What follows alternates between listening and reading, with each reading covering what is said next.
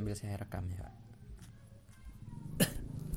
jadi pengen ini pengen apa ngobrol-ngobrol tentang aman dulu sekarang. Jadi mungkin lain waktu nanti kita bahas tentang eh, kayak perjuangannya yang khusus masyarakat adat sini sama nanti kearifan lokalnya. Tapi kalau sekarang untuk amannya sendiri. Iya. mungkin bisa diceritakan dulu Wak Eh, dulu dasar pemikirannya kenapa kan Wak juga salah satu pendirinya juga Iya. ya promotornya juga nah kenapa bisa terfikirkan untuk membentuk organisasi aman itu Iya. Baik, eh, selamat pagi. Sebelum ada aman, sebetulnya masyarakat adat di utamanya ini bu- bukan bukan teritori ya, Hmm. tapi apa namanya gen, genealogi, genealogis keturunan ya, yang ada di Kabupaten Bogor, Kabupaten Sukabumi, Provinsi Jawa Barat, Kabupaten Lebak sama Pandeglang itu ada di Banten ya. Iya. Tahun 1968 itu disponsori oleh Gubernur Jawa Barat waktu itu belum belum ada Provinsi Banten masih masih Jawa Barat itu Pak Solihin Gu- Gotama Perwira Negara dulu sekarang masih ada dia masih hidup. Menginisiasi pendirian eh, koperasi disebutnya itu Apicita. Koperasi Apicita ya. Hmm. yang eh, isunya itu isu di pertanian. Hmm.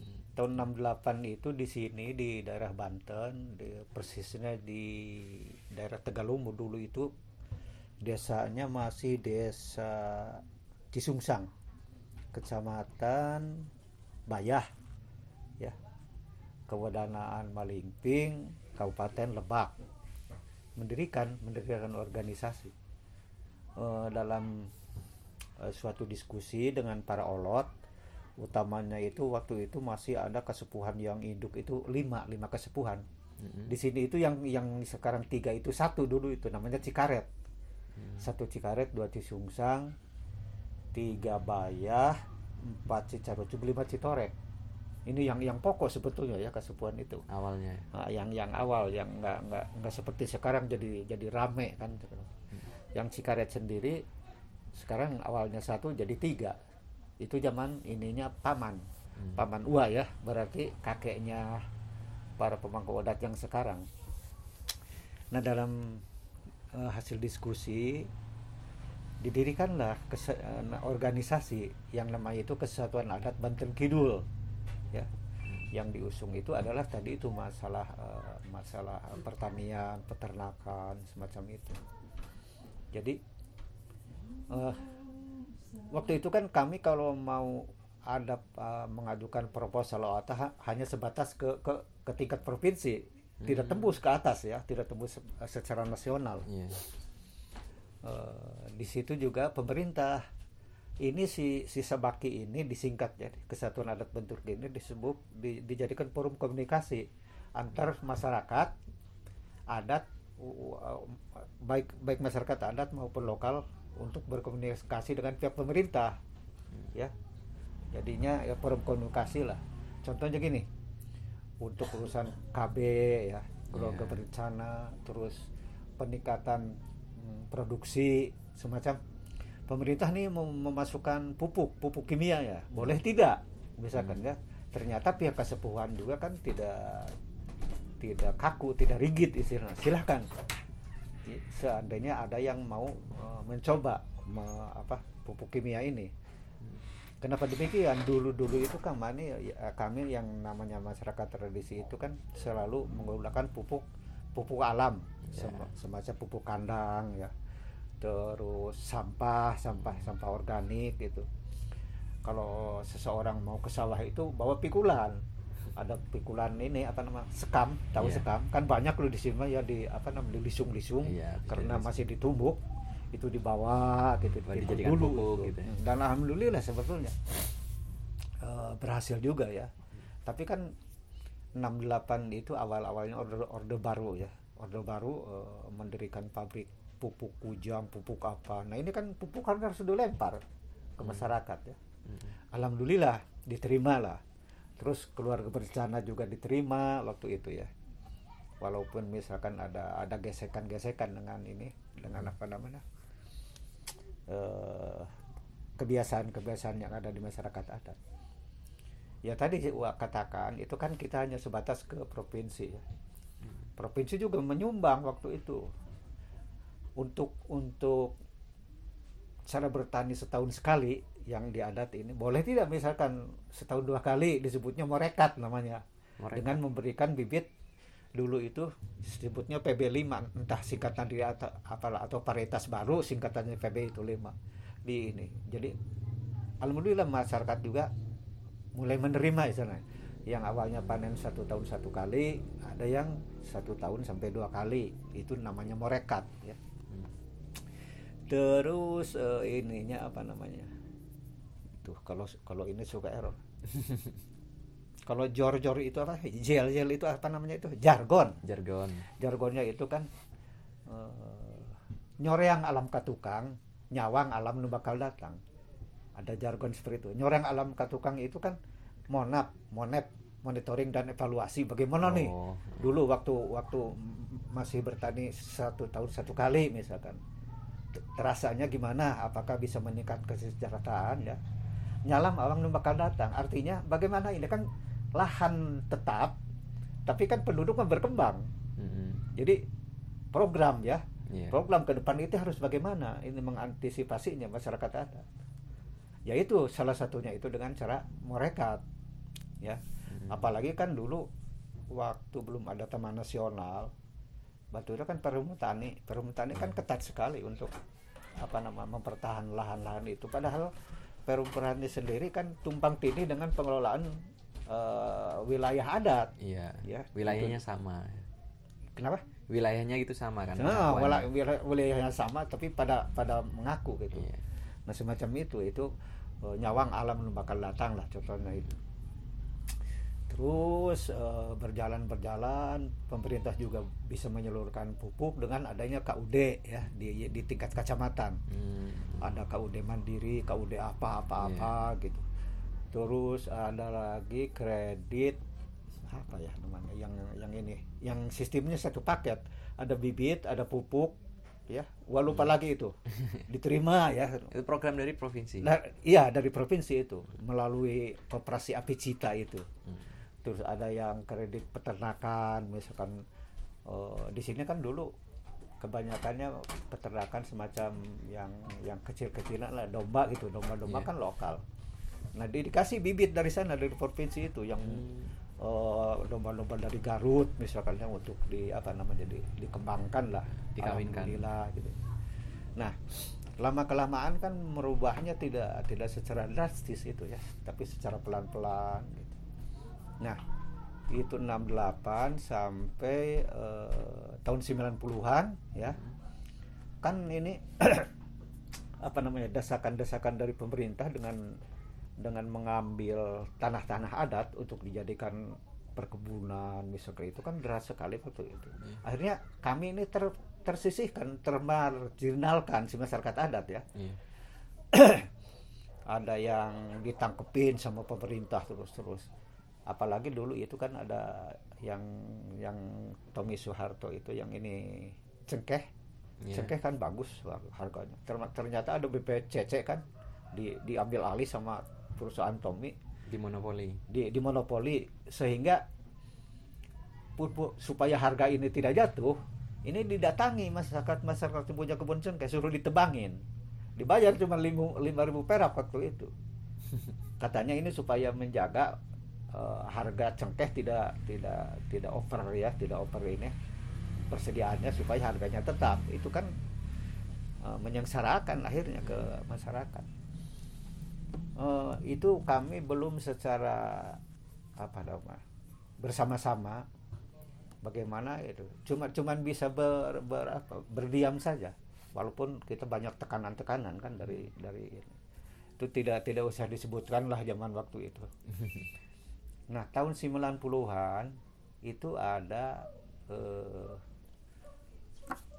masyarakat adat yang disponsor oleh ibu ibu gedong orang Bali. Terus dari Kalimantan itu ada Pak Palawir Digit orang-orang Dayak. Dari Toraja ada ibu ada Den ibu Den Upah dia ngobrol-ngobrol bagaimana ini kita masyarakat sekarang kan tertekan tersisihkan ya. Mm-mm. gitu. Mengadakan pertemuan pertemuannya juga kan di sini nggak mungkin ya. Iya. di di Pulau Jawa lah nggak mungkin lah waktu itu karena Orde Baru itu kan pengawasannya maksimal. pengawasannya masih masih kuat. Sampai di desa it- itu ada ada dua personil kan yang mewakili kepolisian dan mewakili eh, tentara TNI Mm. yang disebutnya Babinsa. Iya. kalau yang dari kepolisian Babinmas. Jadi kami ini mau mau apa namanya mau curhat itu nggak bisa lah di Pulau Jawa nah dengan adanya tiga orang ini Mm. dia mengadakan pertemuan di sana di Toraja.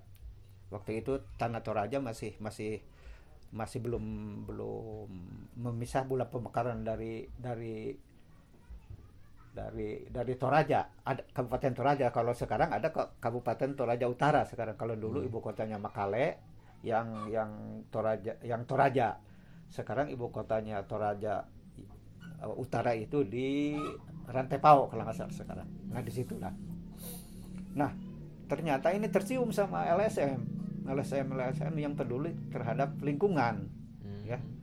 Eh, contohnya Walhi ya Iya. Walhi itu kan wahana lingkungan hidup ada Jatam Jatam itu jaringan tambang pokoknya yang semua ini LSM yang yang peduli Ah.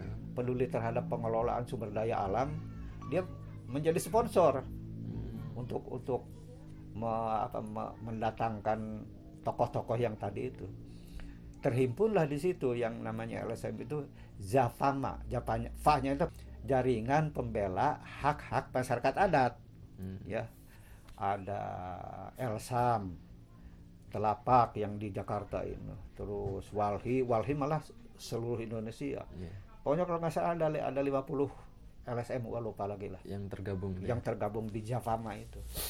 Nah, di situ diinisiasi dengan aja dengan adanya pertemuan-pertemuan seperti round table itu ya. Iya. Bagaimana kita isu apa yang akan ini siapa yang akan diundang. Gua juga ikut kan pernah gua dengan dengan Sultan Sultan Jogja juga pertemuan di. Jogja mengenai ini. Terus di Bogor beberapa kali.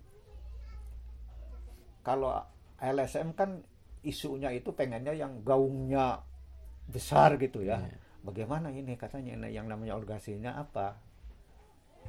Ketemulah Aman, Aliansi Masyarakat Nusantara. Mm. Jadi nam- eh, nama Aman itu kan bu- bukan dari kita sebetulnya, bukan dari masyarakat adat, tapi dari orang-orang LSM. Dengan yang begitu. ikut membantu waktu itu, menggerakkan gitu ya Iya, menggerakkan termasuk pendanaan dari mereka lah. Kami tinggal datang ke forum berbicara, pulang juga nanti dianterin, diongkosin sama mereka mereka itu. Mereka juga kan butuh butuh butuh program kan. Iya.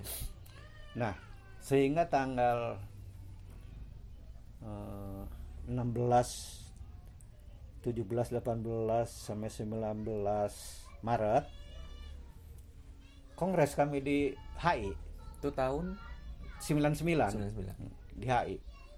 Jadi katanya ini kongresnya harus ada di di ibu kota negara supaya gaungnya menggema gitu ya. Hmm. Entah berapa ribu orang lah kami di situ dulu. Termasuk suku anak dalam juga ya. Hmm. Yang dari Papua yang masih pakai koteka, pakai cangcut juga didatangkan gitu.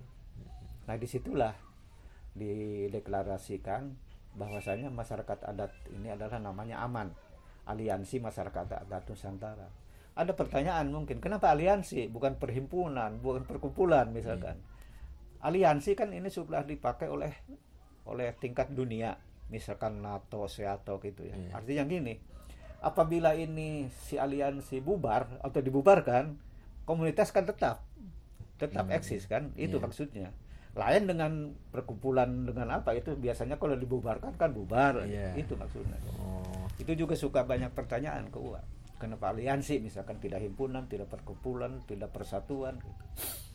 berarti sebenarnya kalau dengan aliansi itu kayak sebenarnya mereka mandiri gitu cuman Iya. dijadikan satu nah Gitu. jadi berafiliasi istilahnya nanti ke aman kan Heeh. kalau kalau pakai tambang atau apa nggak mengaitkan diri lah Iya. itu bubar tetap ada kan gitu terus waktu itu jargon jargonnya itu keras sekali sebab banyak di, di, di forum itu bukan memperdapatkan ini deh di forum-forum selama lima hari itu dia bukan memperdapatkan bagaimana yang anggaran dasar anggaran bukan. Tapi sebuah curhat. Curhat ya ada yang pernah masalahnya sukunya masing-masing. Ah, ah, ada yang pernah ditangkap, digebugin sama tentara waktu itu kan, termasuk Pak ini Valoir Dinggit di yang dari Dayak. Jadi kan orang-orang LSM semua pada pinter, sudah dia mah sudah ada komputer atau apa, didengarkan terus sama mereka. Jadilah ada anggaran dasar, anggaran rumah tangga. Jargonnya dulu waktu itu kalau pemer, kalau pemer, kalau negara bukan lagi pemerintah kalau negara tidak mengakui kami kami pun tidak akan mengakui negara itu yang yang bikin geger kan waktu itu Eh, terus uas sendiri dulu Dew- dewannya itu dulu hitungannya per provinsi. Provin- per satu provinsi dua orang yang jadi dewan dewan nasional.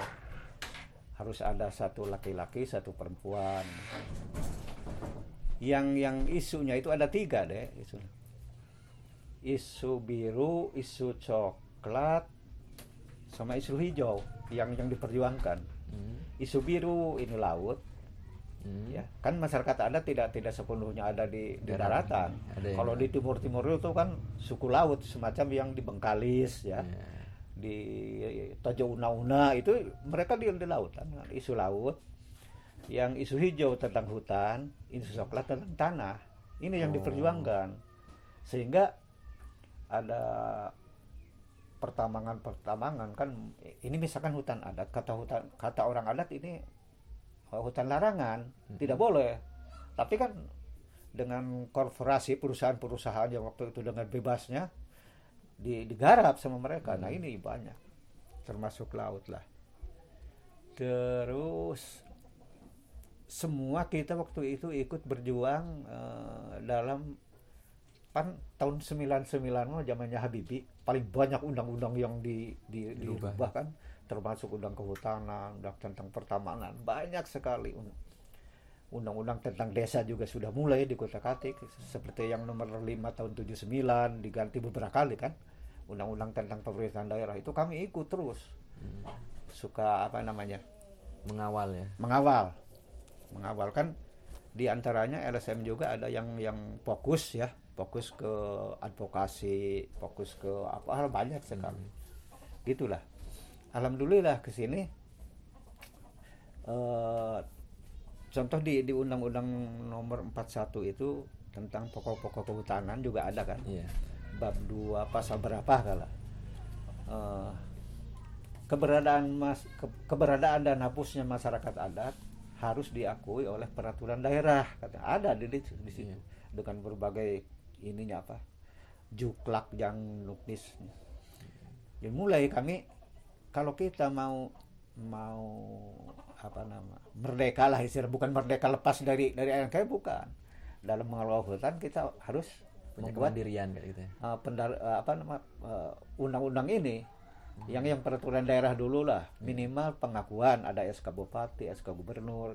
Nanti ke peraturan daerah gitu. Ya terus di ke sini lagi kan kita menginisiasi ada peraturan di tingkat nasional. Sekarang ada di sudah di Balegnas RUU eh, pengakuan dan pe- penghormatan masyarakat adat RUU PPMH kalau nggak salah dulu tapi nggak nggak dibahas-bahas nih jadi bola bola panas sekarang di atas ini. Sebab yang SKPD-nya itu ada Kementerian Lingkungan Hidup Kementerian sekarang dengan kehutanan dulu kan lingkungan hidup iya.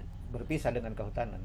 Kehutanan dulu dengan perkebunan kalau kalian gabung kan iya iya. Kementerian Dalam Negeri terus terus Kementerian bukan Kementerian tapi ada sekarang yang yang yang mengelola BPN itu kan Hmm, nah iya. ini mereka jadi bola panas sekarang dan ada ini juga ada perbedaan pendapat dengan masyarakat adat itu adalah pemerintah mengadopnya juga kan dia dari dari istilah orang Belanda Profesor Van Vollenhoven Hmm. jadi mengakunya mereka itu masyarakat hukum adat ya masyarakat hukum adat ini mereka pemerintah nih Hmm. kami kami tetap ingin masyarakat adat saja kenapa demikian kan masyarakat adat kalau masyarakat hukum adat yang melulu menjalankan hukumnya hukum adat.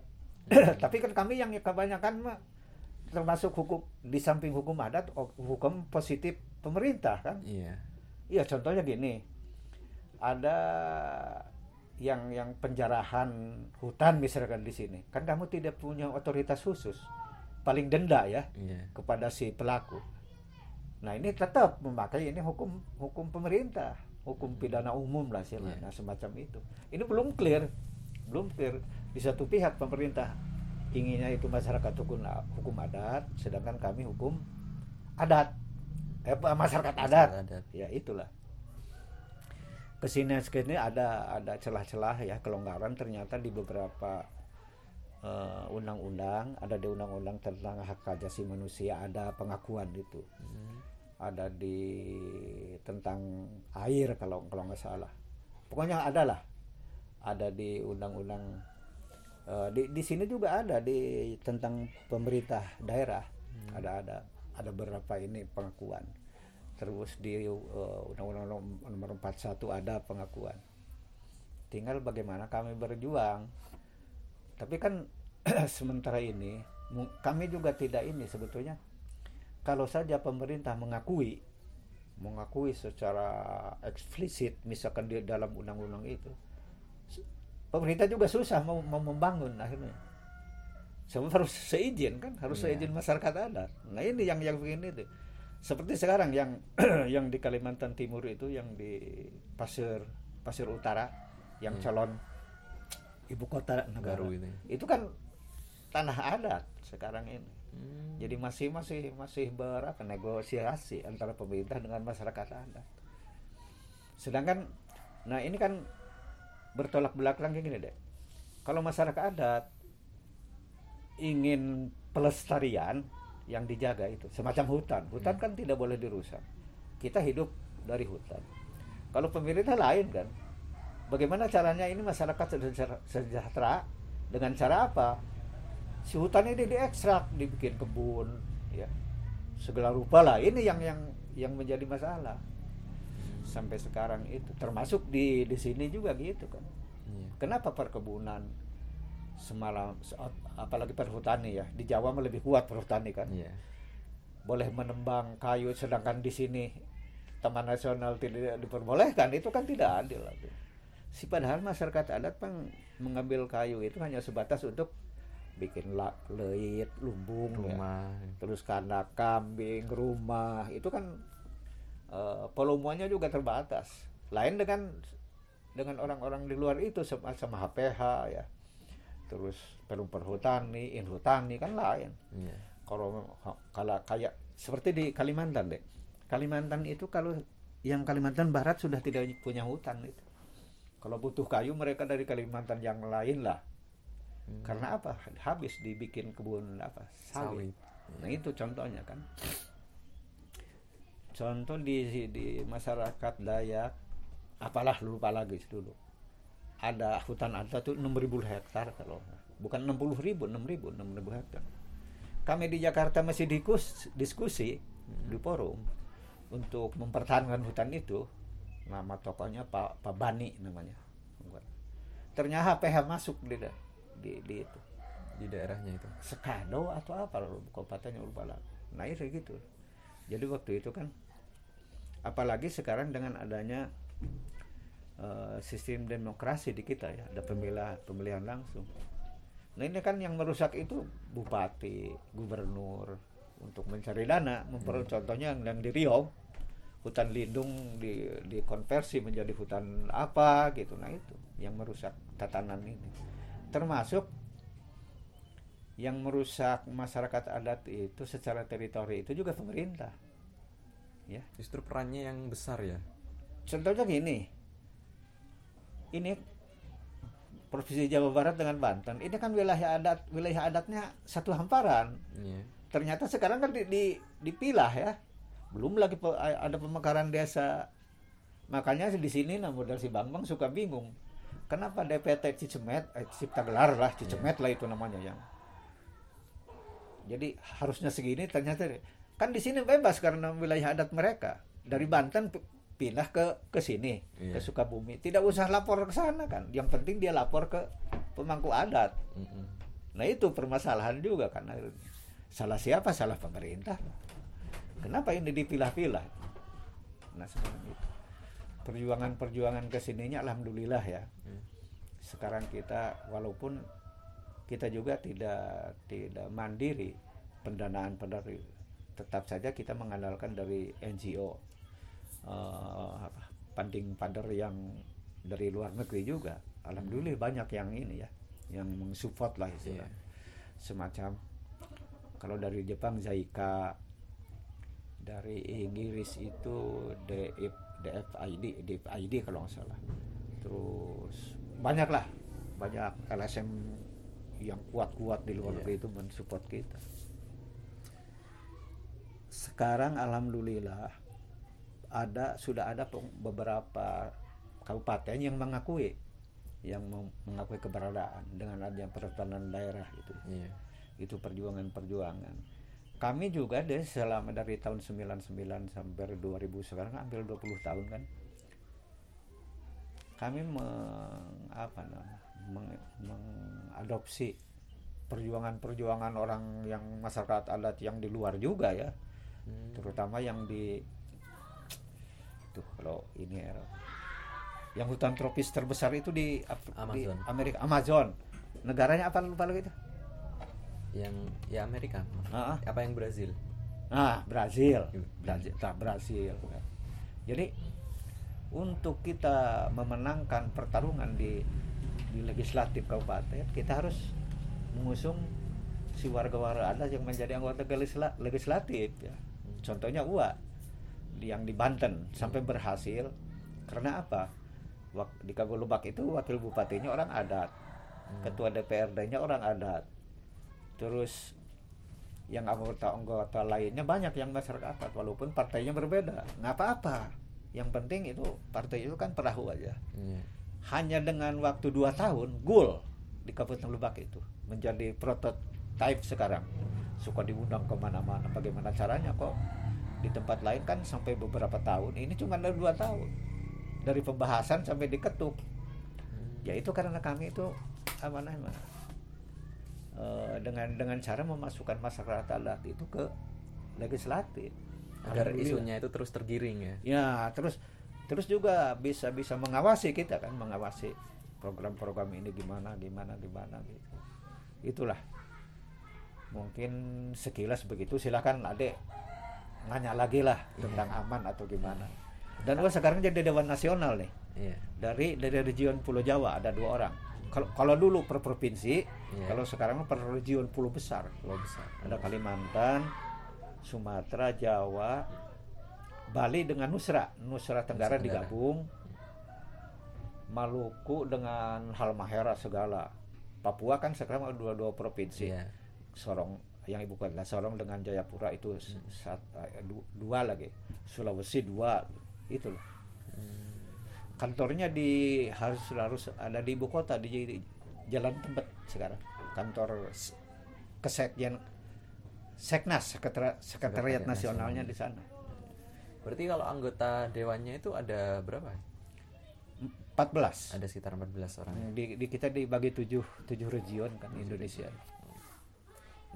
Nah, kalau dari ini sempat disinggung tadi tentang yang hubungannya dengan internasional. Nah, Nah sudah nah, nah itu hubungan aman itu dengan organisasi-organisasi lain itu apa kayak ada forum internasional juga atau ada di, di di Asia juga ada. Oh, IIPP Indigenous People Fact untuk Asia I, IPP ya. region Asia itu ya. Ah, region Asia. Ada lagi yang yang sekarang sudah punya perwakilan di PBB juga Hmm. di bawah ada eh, ekosok. Jadi ada perwakilan yang yang di di PBB. Kadang-kadang kalau kalau ini ulang tahun suka suka di ini yang sekjen atau apa di, diundang ke sana ke PBB. Dulu orang Filipina yang menjadi perwakilannya di sana Hmm. di PBB. Berarti secara internasional pun organisasi ini udah punya jaringan yang kuat. ya? Sudah, sudah. Malah di beberapa negara mah sudah diakui secara nasional. Contohnya di Filipina. Sudah ada itu undang-undang pengakuan Masyarakat adat. masyarakat adat. Yaitu waktu UA diundang ke Itali tahun 2012, UA itu ditunjuk oleh pemerintah melalui LSM-nya Kahati yang punyanya Emil Salim itu Iya.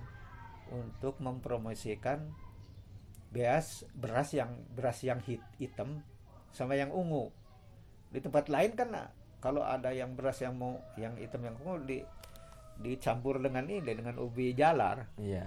iya kalau di sini asli ada malah Asli dari berasnya gitu. ya? iya dari beras nah Abah Asep mengembangkan di sini yang masih kuat itu daerah Kasupan Citorek di sana si nasinya benar-benar ungu merahnya juga berasnya merahnya nggak terlalu merah tapi kalau sudah dinanak itu jadi ungu nasi Hmm. ternyata di Filipina juga itu kayak Filipina paling rajin untuk me- meng- mengembangkan mengawinkan bibit-bibit padi. Udah seribu seribu paritas sekarang. Bingung dia mana yang asli yang dulu di Filipina itu. Bingung dia. Iya. terus dulu di sini deh untuk eh, masalah pengelolaan sumber daya alam di pertanian itu ada si Eric orang Prancis. Hmm. Eric Bonderi kalau nggak salah namanya. Sengaja dia dia antropolog nih si dari Prancis itu suruh sek- sekolah ke ke masyarakat masyarakat adat. Ada ya di Kamboja di Vietnam di di Muang Thai di Indonesia. Ternyata se- sebidang tanah mungkin puluhan hektar ya. Kalau di sana kan su- sudah mekanisasi Iya. pertanian awalnya ditanami satu kali satu tahun ditanami dua kali satu tahun sampai tiga kali sampai empat kali dengan bibit yang yang cepat mungkin ya. Iya. ternyata lewat waktu sekian puluh tahun jangankan ditanami dikonsumsi jala airnya yang mengalir dari situ itu sudah tidak bisa sudah terkontaminasi Hmm. dengan dengan pupuk kimia itu tadi Iya. nah dia suruh sekolah ke sini bagaimana di masyarakat adat cara cara cara mengelola Lahan pertanian. lahan gitu supaya abadi supaya lestari lah itu terus di Citorek orang Jepang si Atsuki Watanabe dulu ada lagi yang yang yang, yang berguru gitu Hmm. itulah contohnya Berarti, eh, cukup kuat seperti itu ya.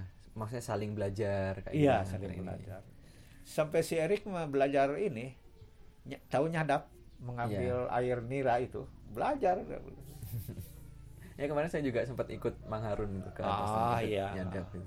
Mang Harun Mang Itom misalnya Iya, yang nyadap. itulah Terus untuk ininya, Pak, eh, dalam kan berdirinya 99. Terus Hmm. juga sampai sekarang udah berarti 20 tahun ya. iya 20 tahun. Dan ini juga dulu juga sempat saya sempat baca di buletinnya sempat ada rakernya di sini kayak gitu. Iya, raker di sini itu kan raker kalau kalau kalau zaman yang dulu dek, zaman awal-awal berdiri, Iya. waktu anggota dewannya 60 orang loh, enam bulan sekali Hmm. raker tuh wa, wa aja ya yang ikut raker pernah itu raker pertama di Toraja tahun 99 terus pernah di Lampung Barat di Liwa pernah di Pulau Weh di itu di Aceh Hmm. Yang nggak ikut itu gua pernah di Kalimantan Timur gua lupa lagi mas Rada. terus di Rongkong gua me- mengutus si bayi waktu itu Sulawesi Tengah. Terus yang di Manado kemarin ikut gua. Kalau sekarang dua tahun sekali rapat kerjanya itu Ya mungkin karena dulu mungkin karena masih awal jadi masih awal kita masih untuk- banyak penyusunan-penyusunan gitu. ya. supaya apa su- gemanya gitu benar-benar secara nasional Hush, banget banget Hush, gitu di sini juga Di sini 2010 ya kalau nggak salah. 2010 2010 ya kalau saya baca di buletinnya itu. Nah, dari raker itu tiap raker apakah ada kayak misalkan ditetapkan di awal tapi berubah atau justru ditetapkan di awal dikembangkan dikembangkan dikembangkan itu kan ter- termasuk tadi itu monitoring dan evaluasi Oh. jadi apa saja program yang belum tercapai apa eh, halangannya apa Yang kenapa gitu itu gitu. semacam gitu nanti di- dibuatkan keputusan-keputusan gitu. berarti raker terakhir kapan? Haru- harusnya kemarin di Ende harus oh yang tahun gara-gara kemarin ini yang ya? gagal Hmm.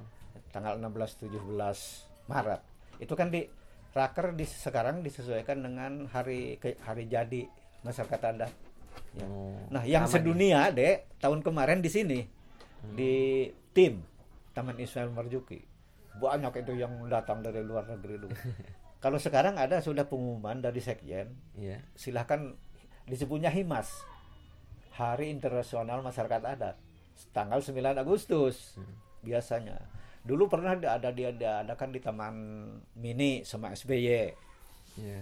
iya di situ juga kita kalau kalau HIMAS selain kita membahas ada apa namanya seminar ada apa apa saya lupa si setiap komunitas ini diundang untuk membawa kerjaan kerajinan tangan misalkan di Hmm. semacam pasar malam lah Nah, gitu. ciri khasnya gitu ya. ciri khasnya itu jadi apa namanya supaya bisa dikenal Hmm. ya itu tahun kemarin pas berbarengan dengan Idul Adha gua juga Idul Adha di sana di Taman Impian Marzuki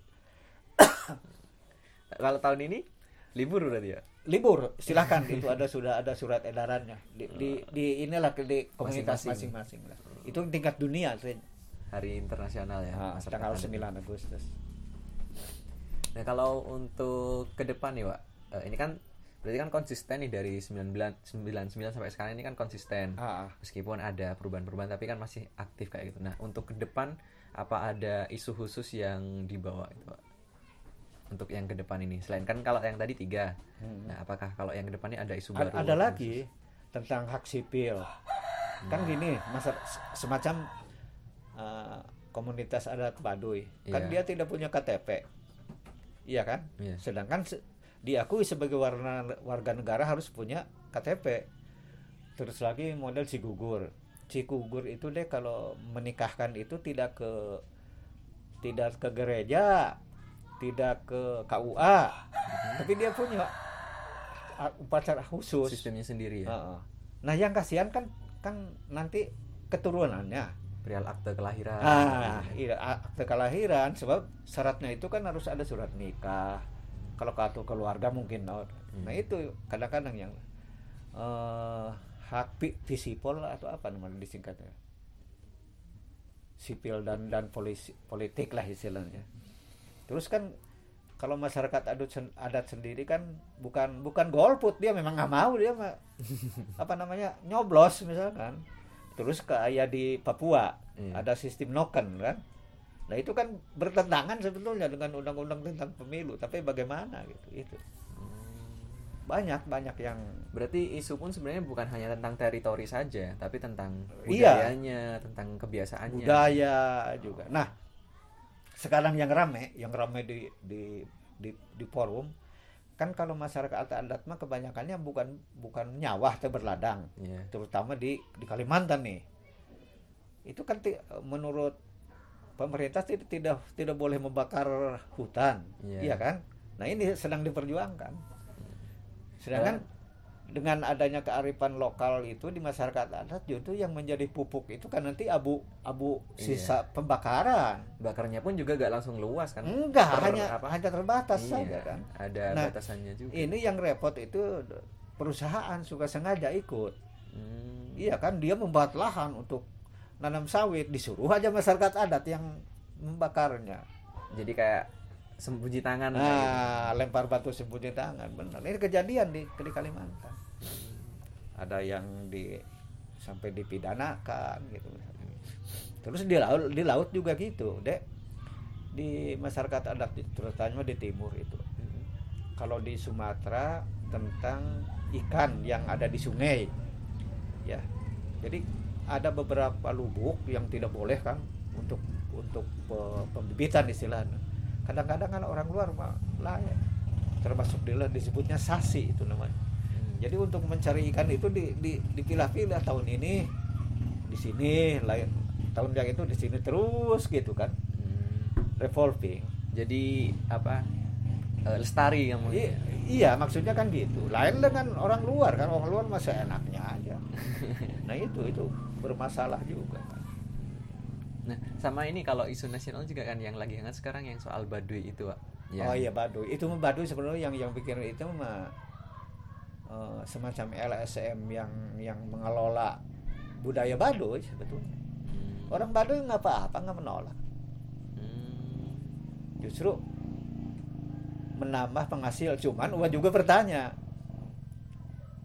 duitnya dipakai apa itu sama orang Baduy? itu aja pertanyaan Uwa.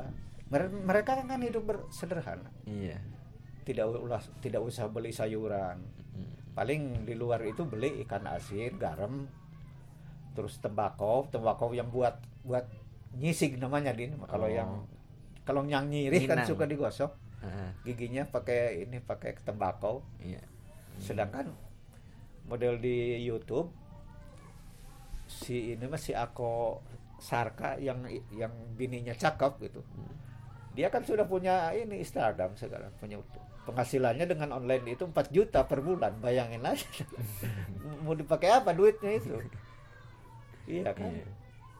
dan rusaknya budaya luar itu itu karena banyak makannya yang yang dari luar semacam botol plastik atau Hmm. apa itu itu Terus ditinggal di sana kayak gitu. iya ditinggal di sana Nah, menghadapi misalkan ada isu seperti ini, apakah aman tuh langsung turun ikut membantu atau seperti apa? Mengambil peran kayak gitu, Pak? cuman ini aja kita nggak nggak langsung mengintervensi lah istilahnya. Oh. Enggak. Sebab Baduy mah gini deh, kalau kita undang, dia datang, Hmm. tapi nggak ngomong. Jadi bingung kan kita. Iya. Jadi sebenarnya kalau dilihat aman ini organisasinya itu bergeraknya itu lebih ke atas atau ke bawah. Jadi misalkan Sama, sama, sama. oh, Ke bawah juga tentang advokasi kan. hmm, oke. Berarti Kalau ke atas juga sosialisasi. Sebegini, pemikiran mereka mereka yang birokrat-birokrat itu, terutama di Jawa ini tidak ada masyarakat adat kecuali Baduy. hmm, Itulah. Jadi melihatnya mereka masyarakat adat itu tidak tidak pakai baju, yang pakai cawat, terus bawa panah. itu katanya masyarakat adat. Oh dianggapnya masyarakat adat itu Iya, cuma padahal- hanya itu aja gitu. Padahal Jogja kan masyarakat adat. Kenapa Kesultanan tidak kami ajak? Sebab mereka mah kan sudah sudah apa namanya? su- untuk menguasai tanahnya kan sudah kuat. Iya, sudah ada apa? Undang-undang istimewa itu. Iya, nah semacam itu. Model Cirebon juga kan. Iya. Jadi kita melulu me- eh, bergerak untuk mengadvokasi masyarakat adat yang terpencil, tertekan atau itu Hmm. aman ini. Contohnya gini, gua barusan bilang itu bagaimana perjuangan itu ke atas dan ke bawah. Ini kan pemetaan-pemetaan harus di wilayah. Cuman di sini deh, Wak. Ini si si Jago, si Pilka, si Jaro Iwan, kan harusnya mereka yang yang memperjuangkan lahan-lahan ini Hmm. si Ende yang pernah jadi anggota DPRD kabupaten tapi nggak nyambung wah di sini nggak teman nggak ada teman ngobrol kecuali Pak Amil beda dengan di Banten. Hmm. di Banten mah pemudanya pemudinya ya. Tokoh-tokohnya. Gua sudah ber- berhasil eh, memperjuangkan lahan adat Hmm. Kasupuan Karang 525 hektar, Citorek 650 hektar, eh, Cirompang gua lupa lagi, Cibarani gua lupa lagi, Pasir Eri udah, udah beberapa udah diserahkan sama Taman Nasional. Di di di Banten. Terus yang dengan perumpuran tani itu Cibarani. Cibaran eh, perumpuran tani kan bukan bukan pelepasan ya, Iya. bukan pelepasan sistem sistemnya itu perhutanan sosial. Hak guna itu ya. Ah, hakuna garap lah yang disebutnya ya. Udah, tapi di sini nggak nyambung nih, nggak tahu Wak. Sampai si Ende, si Ende adanya Abah Uge, dia masih masih jadi anggota DPRD dulu. Dek, mari kita ke konter yang ada komputer. Kita nyari semua undang-undang yang berkaitan dengan dengan ini, dengan undang-undang tentang eh, kehutanan, terus yang menteri agraria gitu, gitu. udah dibikin ah tolong segera kita berjuang nol Nol. padahal cipta gelar sendiri kan di kantong ini wilayah Taman Nasional. taman nasional Hmm. terus di desa Cicadas ada dua kedusunan Lebak Nangka sama Cisuren. Itu masuk juga. iya di dalam di dalam. Terus yang di desa Sinarasa. Nggak tahu wah apa wah kurang? Padahal wah sering ajak mereka ke ini ke ke, forum-forum ke forum-forum baru. Nggak nggak nyambung. Terus kalau misalkan dari segi aman sendiri itu pernah kayak ikut ke misalkan nih kan yang kita ketahui kan suku atau masyarakat adat di Indonesia kan banyak sekali nih pak. Nah kan tidak lepas dari konflik antar masyarakat adat juga selain Iya, masyarakat adat konflik- dengan konflik pemerintah horizontal. Nah, konflik horizontalnya. Nah eh, apakah pernah aman tuh berkecimpung untuk bisa ikut menyesuaikan atau menjadi penengah kayak gitu pak? pernah Ju- ju- bu- bukan pernah lagi memang kewajibannya kita memper- kewajibannya memfasilitasi mempertemukan mereka Iya. bukan berarti kita menghakimi Iya. bukan Ada di sini juga kan dulu nah ini rapat kerja di sini kan apa itu maksudnya Hmm. mempersatukan yang tiga ini Hmm. bahwa anda itu sekarang ada di mana perlakuan pemerintah terhadap ini bagaimana nah ini dari masyarakat yang datang ini kan berapa ratus orang dulu kan mendukung semua. Ayo berjuang ayo berjuang.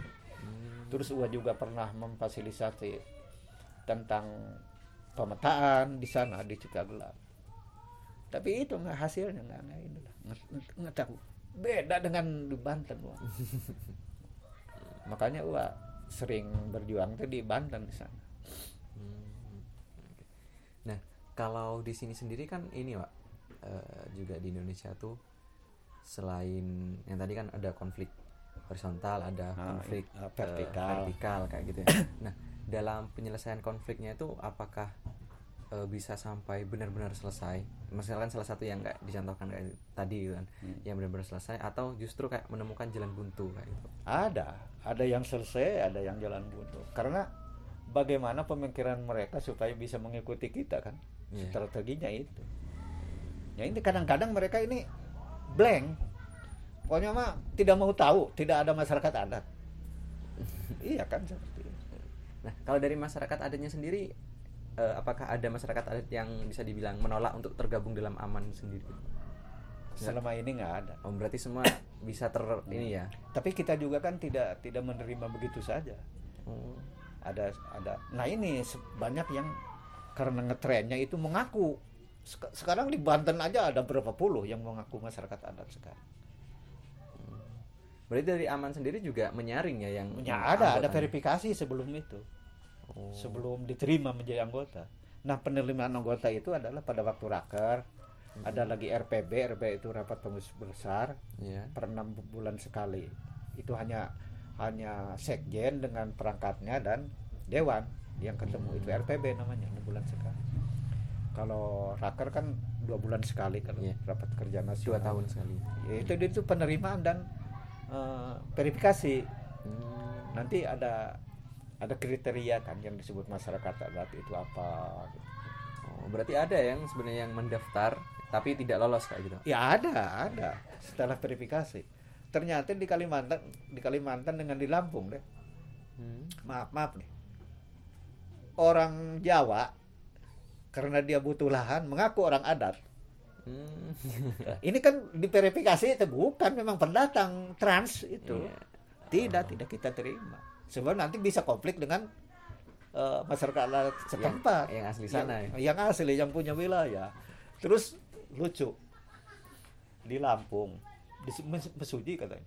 Iya. dia mengaku masyarakat adat memperjuangkan lahan. Diajak ngomong apa? Bahasa Jawa mana diterima harusnya kan bahasanya bahasa Lampung dulu kalau memang benar masyarakat adat setempat ini maaf ini ini Iya. kejadian seperti itu Yang apa? Anomali-anomalinya ya. ah iya Tapi kalau dari itu kan tadi yang masuk mau apa dari luar mau masuk. Ah. Nah, tapi kalau dari anggota sendiri ada nggak yang sampai dikeluarkan disanksi Ada. lah kami? Ada, juga. ada. Pelanggaran seperti apa itu biasanya kalau yang yang yang yang menjual menjual isu dengan kepentingan personil biasanya ya Hmm. kan gini bukan hanya di masyarakat adat deh semua di organisasi di ormas organisasi masyarakat itu kan kebanyakan orang-orang yang oportunis mencari mencari kesempatan kan yang numpang. yang numpang nah ini yang suka bi- bikin masalah Hmm. menjual menjual isu atau apa pas kita verifikasi oh ini mah bukan atau masyarakat adat tapi dia sudah di luar adat sebetulnya nah Hmm. itu termasuk pengurus-pengurus kan gini dalam struktur organisasi itu ada ada pengurus besar, ya pengurus wilayah, eh, pengurus wilayah di, adanya di provinsi, ada lagi pengurus daerah yang di kabupaten ya. Mm-mm. Nah ini ini kebanyakan kan si si personil personil itulah orang-orang yang yang oportunis. Mungkin anggapan dia gitu, enaknya enaknya kalau ada pertemuan kan bisa ke mana ikut, di diongkosi, dikasih uang saku atau apa. itu yang bikin ini. justru menciderai perjuangan aman itu sendiri ya? Iya justru. Nah model sekarang Cigugur, Cigugur kan dia itu awalnya gini deh. Apal kejawen, ya ilmu kejawen yang Siti Nurba, eh siapa? Siti Jenar Siti Jenar. Di di sini di di di di Jawa Barat itu ada yang mengikuti ideologi seperti itu. Yang kejawen yang disundakan di Cigugur nih. Hmm. di Cigugur Kuningan. Terus kan bentrok dengan dengan kelompok Islam, kelompok Islam setempat. Dia masuk ke Kristen sekarang. Masuk dia jadi orang Kristen sekarang. Nah, itu semacam itu. Kan si apa namanya? Yang suka mengembangkan agama Kristen itu namanya apa? Misionaris. Ah, misionaris mah kan banyak duit. Ini ini apalagi jangankan satu orang dua orang. Ini kan ribuan orang nih. Di di, di komunitas di gugur ini masuk Kristen. Dibikinin rumah sakit gereja segala gitu. Difasilitasi. Difasilitasi segala. Nah itu. Ini ini kita tidak mau seperti itulah. Kalau memang dia masyarakat alir em, ama- mengagem aliran kepercayaan. Konsisten dong seperti Baduy. Iya walaupun Sunda misalkan wiwitannya. iya dengan Sunda wiwitannya jangan sampai ternyata dia ngakunya itu akur. Akur itu ajaran karbon urang. Itu yang dulu yang mendirikannya itu Madrais namanya. Ini sempalan itu sempalan dari kejawen yang disunahkan. Iya. sekarang kan bikin masalah lagi bikin kuburan keluarga pakai seperti tugu atau apa. Nah ini diprotes sama orang sekitar. Sebab di misa desa itu bukan di, di- bukan di komplek keratonnya. Hmm. rame sekarang ini sedang rame. Nah itu suka apa namanya ter- terlalu menonjolkan ini. Terus menjual adat lagi ke LSM di luar negeri. Sudah dibangun ini keratonnya juga. Berapa puluh miliar tahu itu yang itu.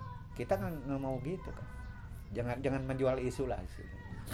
Terus ngelihat fenomena juga kemarin sempat viral kayak ada Ah, Sunda Empire. itu itu orang-orang stres. Di Bandung Iya. waktu gua dengan Ridwan Kamil kan ngomong Ridwan Kamil wah gimana pandangan masyarakat adat? Katanya oh, ada orang yang sampai dipidana jangan dipidanakan yang itu jeblosin ke rumah sakit jiwa babi iya kan?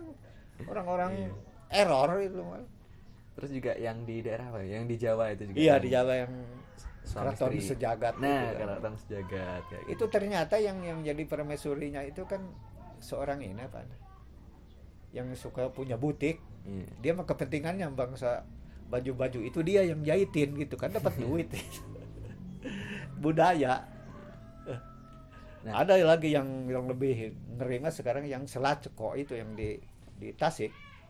Kesultanan Selako masa katanya pemerintah Indonesia punya utang uh, unlimited ter- terbatas katanya ke, ke dia ini. Mm-mm. terus diakui oleh PBB yang namanya cagar alam semua di- dari UNESCO memang dibiayai.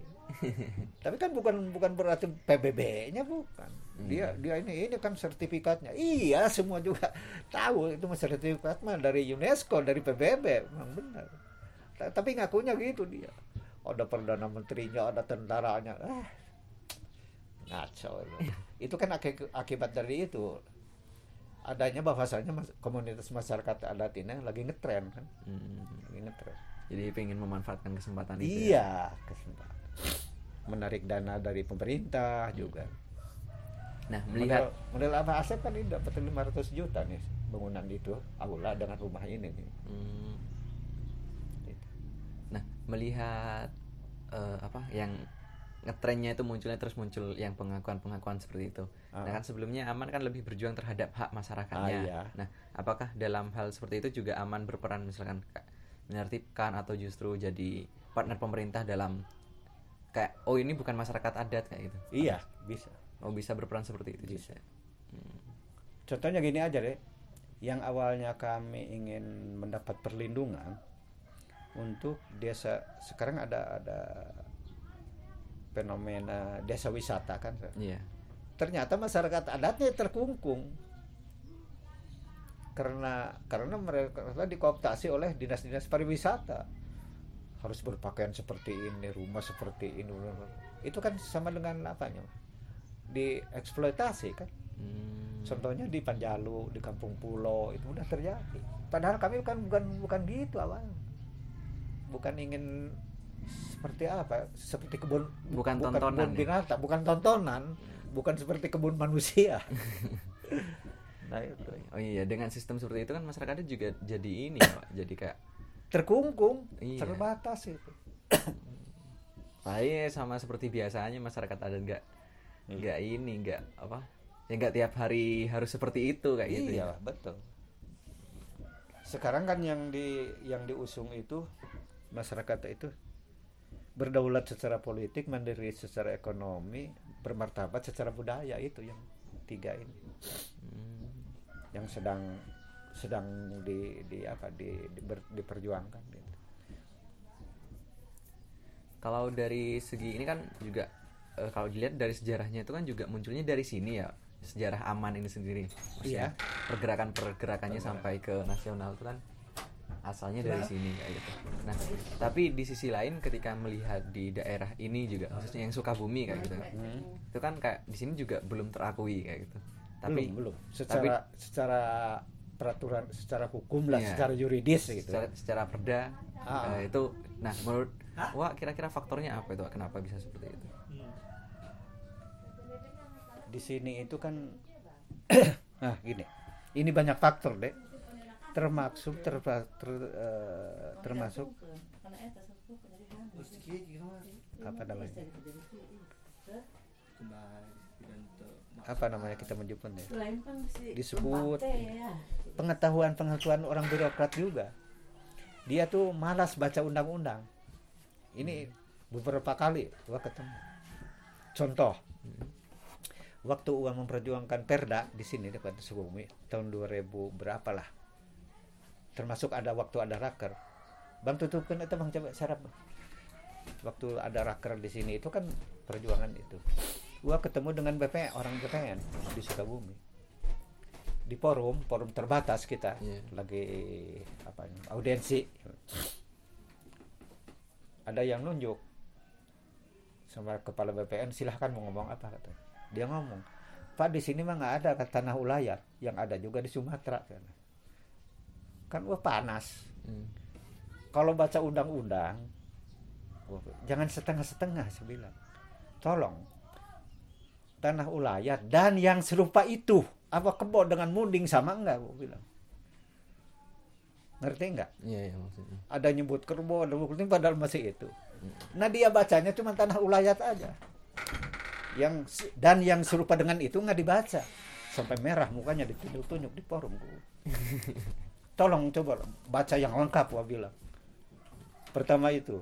Kedua lagi dengan orang bapeda di forum lagi namanya Pak Cecep apa Asep lupa lagi. Wah di saya tuh kenapa wah minta gini si lokasi-lokasi masyarakat adat ini dengan GPS diambil titik koordinatnya. Dimasukkan di Bapeda kan? Maksud gua gitu supaya supaya ini ini celengkeng kata gini wah karena sakti biasanya katanya pusat kesepuhannya suka pindah-pindah pula. Oke benar itu pula. Yang namanya pusat kampung gede kesepuhan pindah-pindah itu untuk menandai wilayah adat. Jawaban gua contoh waktu kakek saya di sinar resmi eh di di dulu itu bu- bukan Ci- Cipta Gelar Cipulus namanya. Pindah ke sini. Yang Abah Arjo ya. bukan abahnya lagi Aki Rusdi yang Oh. kuburnya di sini di atas meninggal di sini. Ini karena wilayah adat ada kuburannya. Nah di daerah Cipta Rasa di sana ada Ciganas, Cisarua apa beberapa kampung. Wilayah adat kan belum ada kuburan. Pindah Bapak Arjo ke sana meninggal di sana. Yang bekas kakek yang meninggal di sini daerah Cicemet, Cipulus itu kan wilayah adat. Belum ada kuburan. Abancu pindah ke sana.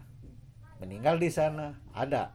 Terus gua bilang di undang-undang tentang HAM pasal 27 27 ayat berapa lupa lagi gua aja. Itu masyarakat Anda boleh pindah ke luar negeri dan balik lagi ke sini. Anda baca nggak coba? Sampai merah di mukanya lu. Jadi mereka miskin sebetulnya tidak tahu. Tidak tahu undang-undang. Sampai bupati Bupati Sukabumi dulu Pamaman. Belum belum Pak Sukma, Pak Sukma dua periode. Lagi audien lagi. Dia nggak tahu padahal ada surat eh, tentang perluasan taman nasional Iya. dari 40.000 menjadi 113.250 hektar. Kalau dulu kan cuma di sini aja, Kabupaten Sukabumi. Hmm. Sekarang diga- digabung dengan Limun Salak. Ada di tiga kabupaten, dua provinsi. Di Jawa Barat, Kabupaten Bogor sama Sukabumi, ditambah yang dari Kabupaten Lebak, eh, Provinsi Banten, si wilayah ini yang itu. Dia nggak tahu itu nggak tahu ada ada perluasan Astagfirullahaladzim Itu tahun 2003 ya kalau nggak salah. ya. kalau nggak salah 2003 ada ada SK-nya itu. itu kan SK-nya SK masih indikatif baru penunjukan sedangkan kuncinya itu adalah di bupati kalau bupati menolak nggak bisa tuh contohnya Uang Acung Jempol ke Bupati Lebak dulu. Nanya Pak Mulyadi Jayabaya. Dia menolak tentang perluasan. Makanya orang Taman Nasional kalau kalau ada eh, apa namanya seminar atau apa nggak berani di di ibu kota Kabupaten Lebak di Rakas Bitung. Dia suka diserang nggak diserang. Hmm. Sampai hari ini Kabupaten Lebak menolak. Sebelum permasalahan dengan masyarakat diselesaikan. Dulu Pak Sukma, Bupati Dini setelah Pak Maman sampai gini-gini sama wah ditunjuk-tunjuk wah di forum dianggap orang dolim. Bener wah dulu galak ke atas deh. Galak wah ke atas. Cuman sekarang maaf, wah gak, wah bertanya ke bawah sanggup tidak masyarakat adat mengamankan hutan adat Yang diperjuangkan siap yang nggak, kan? yang diperjuangkan itu pertanyaan luas kan? kenapa demikian suka ada pertanyaan dari dari orang luar. Kalau memang channel masyarakat adat bisa melestarikan. Kunaon cina kenapa itu yang suka merusak hutan adat? Tidak kebenon tidak kualat. Itu pertanyaannya kan? iya kan? Padahal suka dijual sama re- mereka ya. Bahwa sana kalau kita merusak hutan titipan hutan ini bakal anu anu anu kata. tapi kan tidak terjadi. Makanya waktu uang apa apa diskusi dengan yang teman yang empat orang itu gua bilang uang mempencara mempencarang gitu gitu itulah nah dikira ada sekarang tidak ada illegal logging sekarang di sana di atas Iya. Kemarin juga ke sana juga sempat dengar bunyi mesin. iya itulah Ya mungkin itu dulu Wak, buat ngobrol tentang Ah. amannya. Oh ya, untuk yang nah, yang sekarang kan nggak jadi. Maksudnya yang raker aman yang tahun ini. Ah. Nah, apakah sudah ada proyeksi ke depan kira-kira harus Ah. seperti apa karena rakernya ini nggak ada? gitu? kemarin kemarin waktu itu apa sistem zoom zoom online Iya. Nanti ada ada um- ada lagi rapat ini. Pertama yang per region bulan November. Oh. Per region dulu permasalahan semua ditampung. Terus yang yang rakernasnya itu patrolnya juga nanti Zoom online juga bulan Desember. Oh, berarti Gitu. sistemnya online ya. Nah, online lah. Itu aja ininya. Masih berarti tetap berjalan ya, tidak langsung berhenti gitu aja. Masih, masih. Oke. Ya mungkin itu aja Pak yang untuk eh, bahas tentang aman. Nah, Mungkin lain waktu kita bahas tentang yang lebih Boleh. spesifik yang di daerah sini kayak gitu. Khususnya perjuangan daerah sini atau Kalau kalau uang ada nggak ada yang disembunyikan, nggak ditutup-tutup. fakta. berbeda berbeda dengan yang lain lah pasti Iya. ada ada batas-batas dia harus ngomong seperti ini kalau uang